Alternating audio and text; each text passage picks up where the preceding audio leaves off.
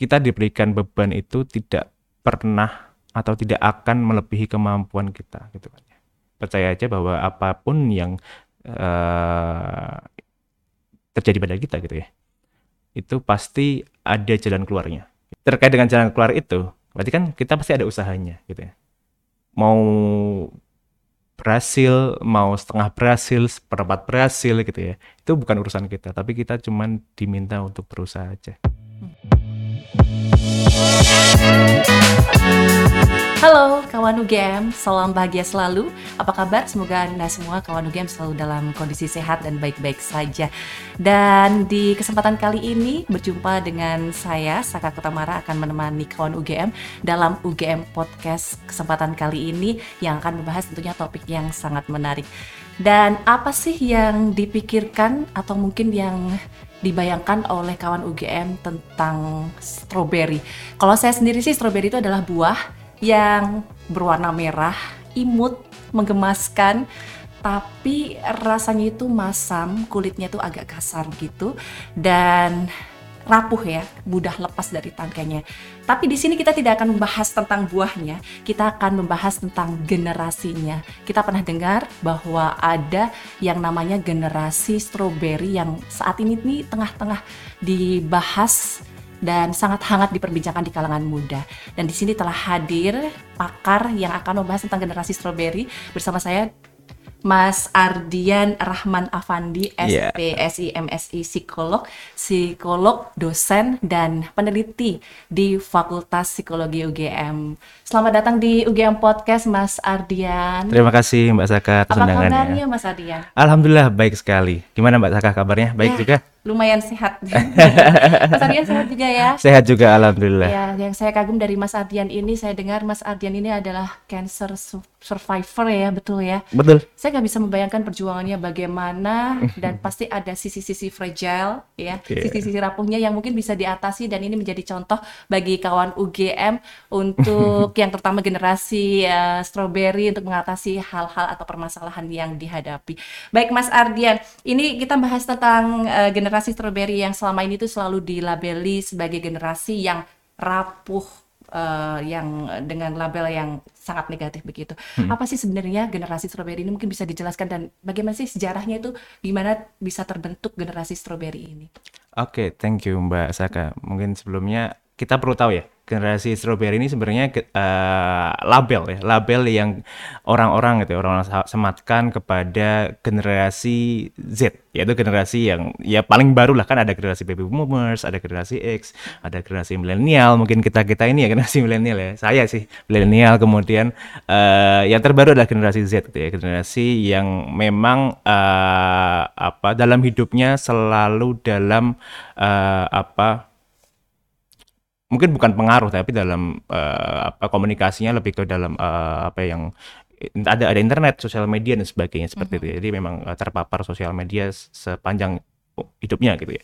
Sejak lahir. Sejak lahir seperti itu dan dan apa uh, ada dampak positif dan negatifnya jelas ya ketika hmm. kita ngomongin uh, apa pengaruh dari sosial media yaitu uh, paparan uh, informasi yang cep, apa cepat up to date seperti itu ya kalau hal positifnya satu sama apa satu hal seperti itulah tapi kalau dari sisi negatifnya maka banyak apa ya banyak uh, apa informasi-informasi uh, yang belum tentu benar atau mungkin informasi-informasi yang kesannya uh, apa uh, memamerkan sesuatu hmm. gitu kan. Yang dan dia dan apa uh, mungkin uh, generasi atau kita bisa aja membandingkan diri gitu kan membandingkan diri dengan orang lain atau dengan dengan mungkin public figure atau teman sebaya yang dikatakan apa ya flexing gitu ya. Zaman sekarang kan nyebutnya flexing gitu ya. Jadi jadi uh, bisa muncul rasa insecure rasa apa inferiority ya. Jadi kayak kok dia bisa gitu? Aku nggak bisa? gitu ya.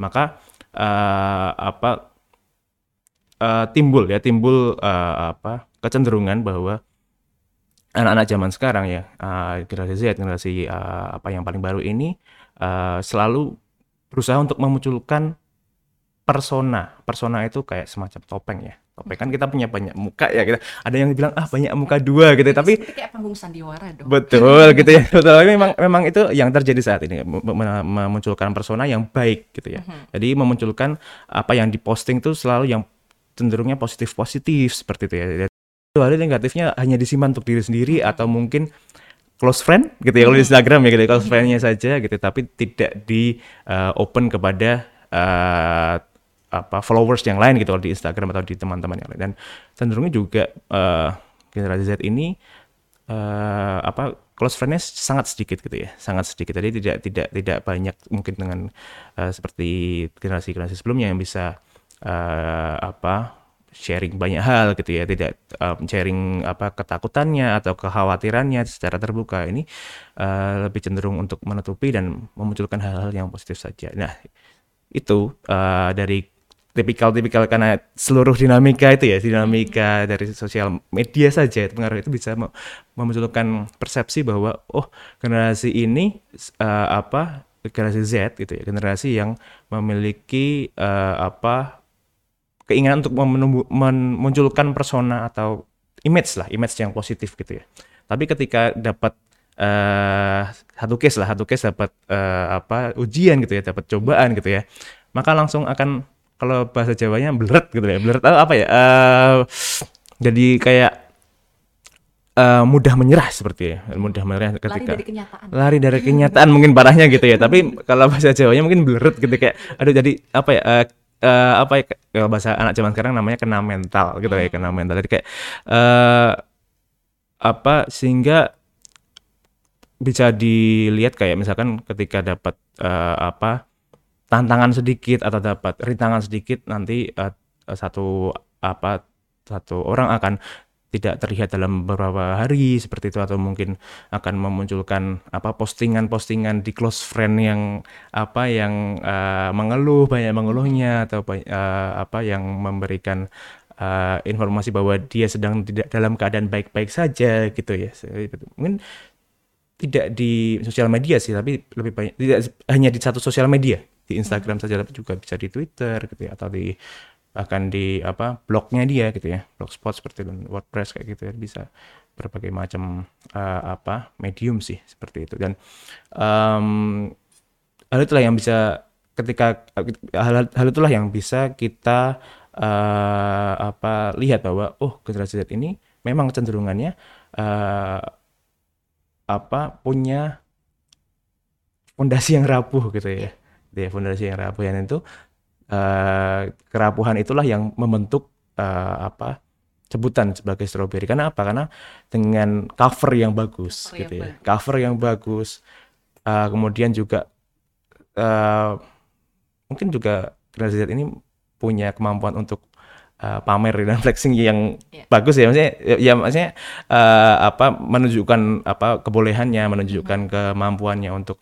uh, dalam melakukan sesuatu gitu ya kemudian tapi di balik itu dia punya fondasi yang uh, mungkin uh, rapuh gitu ya bisa jadi memang uh, itu karakteristik uh, Gen Z ini atau memang sedang masanya saja seperti itu sih sedang masanya sedang sedang dalam apa masa-masa remaja dewasa awal yang memang dalam uh, kalau di psikologi itu dalam uh, dalam fase pembentukan jadi diri gitu hmm. jadi diri seperti itu jadi memang prosesnya uh, apa generasi strawberry ini uh, memang uh, labelnya disematkan pada generasi Z tetapi tidak menutup kemungkinan sebenarnya kita semua kita dulu semua pernah ya, ya kita dulu ya. pernah pernah menjadi strawberry generation. Mungkin generasi milenial saya dulu mungkin juga saya juga pernah labil um, usia 18 sampai 21 tahun gitu ya. Hmm.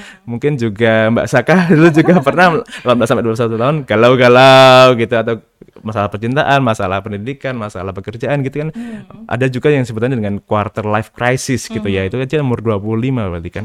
Uh, 24, 25, 26 gitu yang uh, kita rasakan kita bingung terhadap masa depan kita harus ngapain step-stepnya apa seperti itu memang uh, uh, apa mungkin juga karena apa ya paparan apa sosial media juga sehingga ya. uh, apa kesannya hanya ada di Gen Z saja. Hanya ada di Gen iya, Z tapi sebenarnya, semuanya, semuanya ada, ya. ada melewati fase itu. Betul, cuman memang tidak terpapar atau tidak terinformasikan ke sosial media hmm. saja seperti itu. Baik, untuk karakteristik dari generasi ini itu sebenarnya seperti apa? Apakah sebenarnya semuanya negatif saja atau ada sisi positifnya? Mm -mm. Oke, okay. uh, eh, generasi strawberry ya. Mungkin kita nyebutnya strawberry lah, nggak mm -hmm. perlu kita nyebutin yeah baby boomers, X uh, apa uh, milenial atau Z kita pasti ya maksudnya asumsinya adalah pernah melewati masa-masa labil dan apa dan rapuh gitu ya walaupun kita memang berusaha untuk menunjukkan kemampuan kita sebaik mungkin. Nah kalau di generasi uh, strawberry ini uh, itu punya karakteristik yang uh, ada dua sisi. Uh, mereka dua sisinya ini adalah uh, karakteristik positif dan negatif. Positifnya adalah mereka uh, sebagai anak muda ya pada umumnya itu punya ide, punya hasil karya yang inovatif, yang breakthrough gitu lah ya, yang yang yang uh, out of the box juga gitu ya. Yang memukau, Keunggulan ya. yang memukau gitu. ya. Uh, kalau tidak ada generasi apa yang muda ini ya, kita belum masuk ke uh, generasi muda ini mana ada apa uh, ap- mungkin aplikasi-aplikasi zaman sekarang yang memudahkan kita setiap harinya juga mungkin juga sosial media juga apa uh, muncul dari anak-anak muda juga yang mungkin juga strawberry juga seperti itu ya. Nah, di sini kan uh, terlihat bahwa uh, apa teman-teman kita generasi muda itu punya inovasi yang baik dan itu juga masih juga termasuk dalam generasi strawberry gitu ya. Nah, sisi negatifnya, sisi negatifnya jelas mereka apa ke mereka generasi strawberry itu pasti belum memiliki ketangguhan mental yang optimal gitu ya karena memang sedang dibentuk gitu ya. Karena memang sedang path-nya dia untuk eh, apa berusaha kemudian pasti ada eh, jurangnya juga juga ada jatuhnya juga sehingga di sinilah apa namanya eh, apa di sinilah pengalaman mereka yang berbicara gitu kan. Ketika memang nantinya di mas apa ketika, ketika memang di masa lalunya dia memiliki pengalaman-pengalaman eh, yang membentuk eh, dirinya kuat gitu ya maka eh, di usia usia 18 sampai 21 atau 25 gitu ya generasi apa dewasa awal gitu ya mereka akan jauh lebih eh, apa tough mentalitinya tapi ketika memang belum mendapatkan apa pengalaman-pengalaman atau bahkan eh, paparan atau pengetahuan mengenai oh dunia ini atau eh, apa kehidupan ini tidak mulus-mulus aja loh gitu Jadi sejalannya dengan waktu juga. berjalannya dengan waktu tapi memang ada ya kan ada pepatah yang mengatakan pengalaman adalah guru yang paling berharga ya. Jadi memang kita belajar dari pengalaman tuh bukan omong kosong belaka. Jadi memang kita benar-benar belajar benar-benar mendapatkan apa ya ubahan dari sisi kognitif sikap kita kemudian perilaku kita juga berubah semua gitu ya ketika mendapatkan pengalaman apalagi pengalaman yang negatif. Sehingga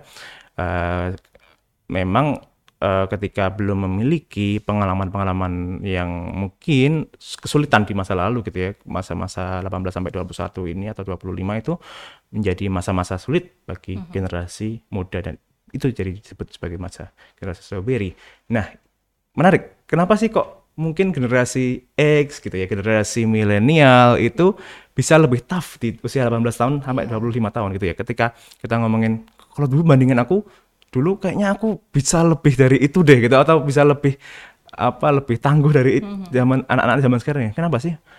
Mungkin juga karena adanya peningkatan kualitas hidup manusia di Indonesia ini secara umum gitu ya. Ini mungkin asumsi secara ya. kualitas Secara ya. kualitasnya. Jadi ma- jadi orang tua itu memberikan yang terbaik bagi anak-anak zaman sekarang gitu ya. Mungkin Apakah ini ada kaitannya dengan eh, perekonomian Betul. dari orang tua itu sendiri? Betul, mungkin itu salah, jadi salah satu apa ya, salah satu faktor yang mempengaruhi kenapa eh, anak-anak generasi Z ini gitu ya, em, belum pernah mengalami masa-masa sulit yang benar-benar kayak harus struggling banget Ya, untuk harus cari makan harus cari gitu. makan. Misalkan eh, contohnya dulu kalau pengalaman pribadi saya gitu ya, eh, zaman SMA gitu ya, uang saku dulu saya sehari cuma sepuluh ribu gitu kan, sepuluh ribu gitu ya.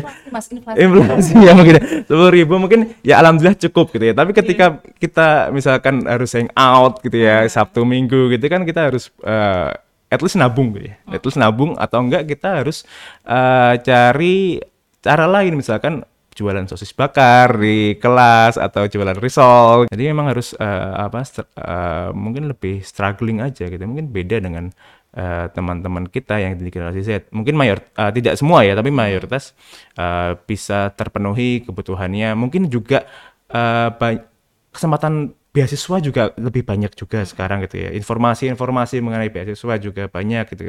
Memang apa banyak apa uh, pilihan atau banyak kesempatan untuk bisa memenuhi kebutuhannya uh, menjadi lebih nyaman lagi sehingga bisa lebih fokus dalam apa perkuliahan seperti itu atau dalam kehidupan sehari-hari di pekerjaannya seperti itu sehingga uh, secara umum bisa dikatakan uh, perekonomian lebih baik, kesehatan juga lebih baik, kemudian juga kesempatan-kesempatan untuk bisa belajar juga lebih baik hmm. juga sehingga uh, kesulitan-kesulitan yang dilalui oleh generasi sebelumnya itu bisa dihapuskan. Nah, tapi sisi negatifnya ketika tidak merasakan kesulitan, sehingga ketika menghadapi kesulitan yang baru sekarang gitu ya, memang berarti belajarnya baru sekarang gitu kan. Seperti ini menarik itu. sekali ya yang dibahas ini generasi strawberry.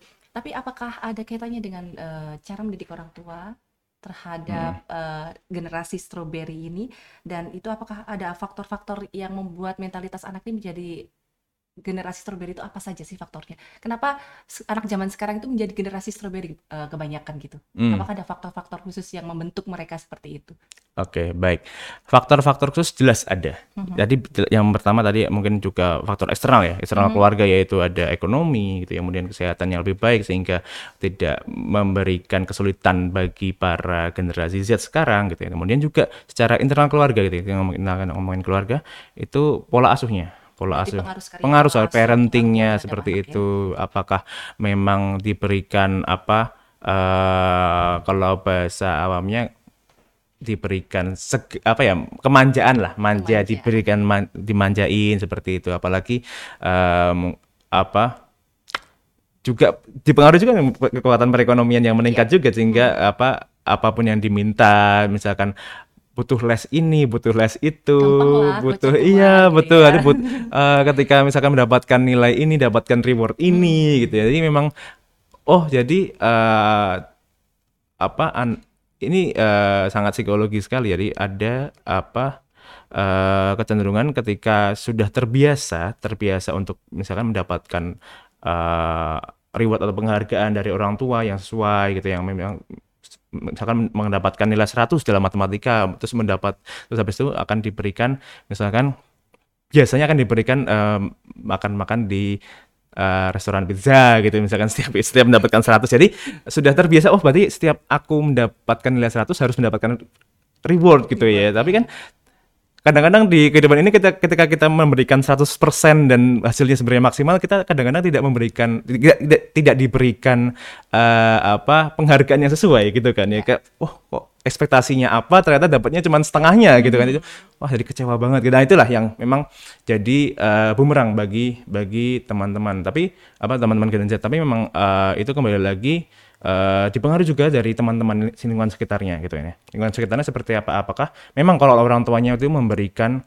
apa memberikan uh, sebuah treatment yang dimanjain seperti dan apa apa diberikan gitu tapi ketika teman-temannya itu apa uh, memang bisa memberikan pengaruh ya memberikan pengaruh mm -hmm. kepada anak itu anak Gen Z ini untuk bisa kayak oh ternyata uh, semua hal itu tidak bisa kita raih loh gitu. Memang ada hal-hal yang memang uh, ya udah kita harus ikhlaskan saja sehingga memang ya udah dapatnya segini mungkin ada dapat uh, apa hal yang nggak terduga di uh, kesempatan yang lain seperti itu itu yang uh, tidak semua bisa mendapatkan gitu kan karena ketika uh, apa lingkungan pertemanannya ketika misalkan sama ya sama-sama memang semuanya dimanjain oleh orang tuanya juga apa pun mendapatkan gitu ya itu juga tidak tidak tidak mudah bagi anak uh, Gen Z ini akan uh, apa ketika menghadapi ya menghadapi masa-masa 18 sampai 25 tahun gitu ya menghadapi masa-masa sulit akan bisa uh, lebih mudah dalam mentekel apa ya mentekel mentekel masalah-masalahnya di usia-usia dewasa awal ini gitu. Mhm. Jadi faktornya itu adalah pola asuh atau mm -mm. parenting, kemudian mm -mm. tingkat perekonomian, mm -mm. lalu juga ada uh, faktor pengaruh teman atau mungkin lingkungan setempat. Betul, betul sekali. Jadi kalau menurut Mas Ardian nih, generasi strawberry itu baik atau buruk? Hmm, baik atau buruknya relatif. relatif karena tanpa generasi strawberry ini tanpa misalkan kita sendiri melalui masa-masa rapuh kita nggak pernah mau atau nggak pernah tahu caranya uh, menghadapi sesuatu, menghadapi sebuah masalah. Masalah akan terus ada gitu ya. Kita di, selalu di challenge oleh uh, keadaan kita, oleh uh, apa lingkungan kita, bahkan oleh pekerjaan kita di suatu saat nanti gitu ya, di challenge gitu. Tapi kan uh, apa memang kita harus terus belajar, harus terus uh, apa ya istilahnya kalau di psikologi namanya resilient gitu ya ketika kita menghadapi sebuah masalah dan kita terpuruk gitu ya mm-hmm. kita resilient bangkit lagi kemudian uh, mengambil pelajaran dari pengalaman sebelumnya dan bisa uh, lebih baik lagi di uh, apa challenge selanjutnya yes. di tangan selanjutnya gitu. Jadi uh, generasi strawberry ini malah menurut saya uh, kita harus uh, sebagai generasi sebelumnya menyikapinya yang lebih apa lebih bijak atau lebih proper saja. Seperti ini memang oh generasi Z ini memang punya kelebihan A B C D E hmm. gitu ya. Dibandingkan dengan generasi sebelumnya gitu ya melek, melek teknologi idenya inovatif kemudian banyak hal-hal yang out of the box dari mereka hmm. gitu ya mereka juga punya kompetensi yang yeah. baik gitu ya. Mereka punya dengan paparan sosial media, paparan uh, apa belajar yang sangat mudah di mm-hmm. YouTube aja bisa belajar gitu ya. Kemudian uh, di apa eh, aplikasi-aplikasi uh, yang terkini juga bisa belajar itu dan pasti juga diberikan fasilitas oleh orang tuanya gitu kan mayoritas gitu ya.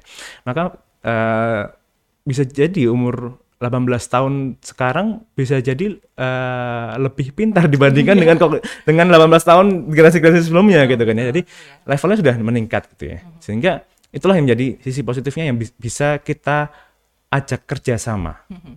Itulah uh, bagaimana kita mengajak kerjasamanya uh, teman-teman generasi Z ini generasi sebelumnya gitu ya generasi baby boomers, X, milenial bisa bertindak sebagai uh, fasilitator ya, fasilitator atau bisa biasa disebut dengan uh, mentor juga bisa, uh, coach juga bisa, atau bahkan ketika generasi Z ini atau generasi strawberry ini punya lagi sedang punya masalah gitu ya, mm-hmm. kita sebagai uh, apa pendengar yang baik juga bisa gitu ya. Mendengarkan walaupun memang apa tidak perlu untuk menyelesaikan masalah mereka. Sebenarnya mereka kadang-kadang mereka menolak ya menolak. untuk diselesaikan betul masalahnya. betul. Kadang-kadang juga sebenarnya mereka tahu pilihan-pilihan untuk menyelesaikan hmm. masalahnya hmm. apa saja gitu kan ya kita uh, sebagai Indonesia sebelumnya kita dikatakan bagaimana untuk lebih propernya kita bisa menempatkan diri misalkan mereka memang uh, belum tahu cara melakukan sesuatu gitu ya udah kita memberikan mentorship kepada mereka hmm. gitu kan ketika mereka sudah tahu uh, harus melakukan apa tapi bingung gitu ya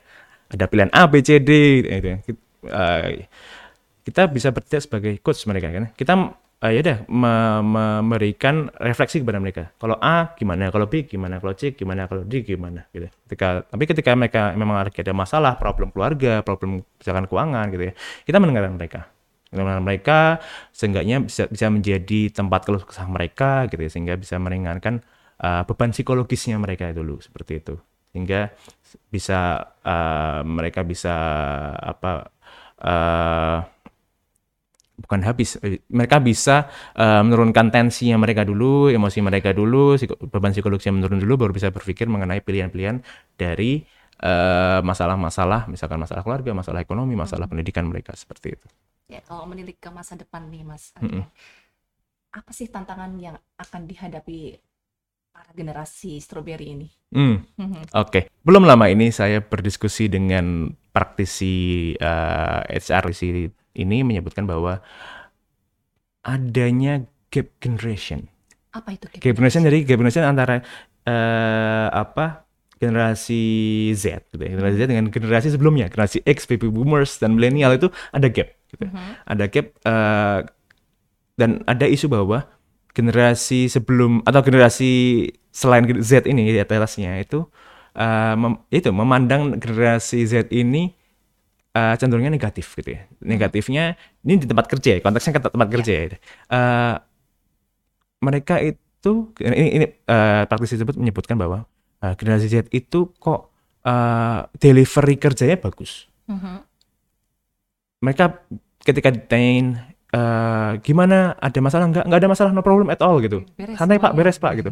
Tapi seminggu selanjutnya tiba-tiba resign tanpa one more notice. Hmm. kalau di perusahaan kan memang kebetulan uh, apa ada peraturan ya apa sebulan sebelum resign itu harus ngabarin dulu gitu ya memberitahukan dulu gitu ya. Nah, ini tiba-tiba kok apa resign aja dalam hari itu, itu gitu kan. Dan praktisi ini menyebutkan uh, apa bahkan uh, rela kok apa mereka itu resign tanpa ada backupan terlebih dahulu, belum ada pekerjaan lain, mereka resign. gitu. Berani ya. berani gitu, keputusan. berani malu gitu. Itu jadi jadi eh Pak ini menye- apa menyebutkan beberapa apa asumsinya. Apakah mereka emang nggak nyaman di tempat kerjanya atau nggak nyaman dengan atasannya atau nggak puas dengan eh salary-nya gitu atau gajinya gitu. Tapi kok masalahnya ada di dua awal ini ya tempat kerjanya, culture-nya seperti apa, culture shock-nya mereka ketika bekerja dengan generasi-generasi sebelumnya, atau eh, ketika berkomunikasi dengan ge- generasi-generasi sebelumnya gitu, atau ada ada masalah lain yang memang dia generasi Z ini pendam selama ini dan memang tidak bisa tersampaikan di tempat kerja maupun di, di rumah gitu atau di tempat lain gitu. ya. Nah ini itulah tantangan mereka. Jadi eh, apa? Bagaimana eh memang kita eh, apa pu- pasti mengalami masa-masa sulit gitu ya. Masa-masa sulit mungkin juga eh, apa pekerjaan mungkin dirasa kurang kurang memenuhi kayak ekspektasi sebenarnya pekerjaannya eh, apa levelnya level dari 1 sampai 10 levelnya 10 nih. Tapi pekerjaanku walaupun dinilai bagus sama atasanku aku cuman dapat nilai 8 doang gitu ya misalkan Eh, aku merasa ini baru 8 doang nggak sampai 10 jadi kurang merasa ter apa ya ter-challenge gitu ya. Nah, itulah tantangannya bagaimana caranya eh, generasi Z ini punya eh, apa pandangan tidak hanya sekarang gitu ya, tidak hanya sekarang tapi eh, untuk bisa melihat masa-masa yang akan datang gitu dan peluang-peluang apa itu perlu adanya eh, growth mindset gitu ya. Jadi tidak tidak hanya mikir kayak fix mindset sekarang-sekarang aja atau kayak wah ini akan gini-gini terus gitu ya, nggak akan ada perubahan gitu ya. Nah, kita eh, atau generasi Z ini kita atau kita semua ya perlu untuk punya growth mindset yang memang jadi patokan kita. Baik, itu tadi tantangan sudah dijelaskan oleh Mas Ardian ya. Kalau untuk tips dari Mas Ardian sendiri atau mungkin solusi terbaik eh, bagaimana agar generasi strawberry ini tidak rapuh itu ada gak Mas? Hmm, oke. Seperti yang tadi saya sebutkan Mbak Saka. Yang pertama eh, tipsnya adalah bukan tips sih, tapi mereka harus punya kemampuan eh, resiliensi atau punya skill resiliensi ketika menghadapi masa-masa sulit. Nah, resiliensi ini harus didukung dulu dengan eh, mereka harus punya growth mindset dulu. Eh, maksudnya apa kesulitan itu bukan akhir dari segalanya gitu kan tantangan bukan untuk dihindari tapi kita harus kita hadapi dan harus uh, walaupun memang nggak maksimal ya seenggaknya kita uh, berusaha dan hasil itu di luar kuasa kita gitu kan ya kita bisa berkembang bisa bisa belajar lagi tidak mem- tidak melakukan kesalahan lagi bisa memunculkan apa hasil yang bagus di kemudian hari gitu kan ya Terima kasih Mas Ardian. Ini terakhir ya yang paling dibutuhkan oleh kawan UGM. nih. Eh, apa pesan atau mungkin closing statement yang ingin disampaikan kepada kawan UGM berkaitan dengan generasi strawberry ini? Oke, baik. Terima kasih Mbak Saka. Untuk closing statementnya kepada generasi Z sih. Mungkin juga kepada saya sendiri juga, pribadi saya sendiri juga.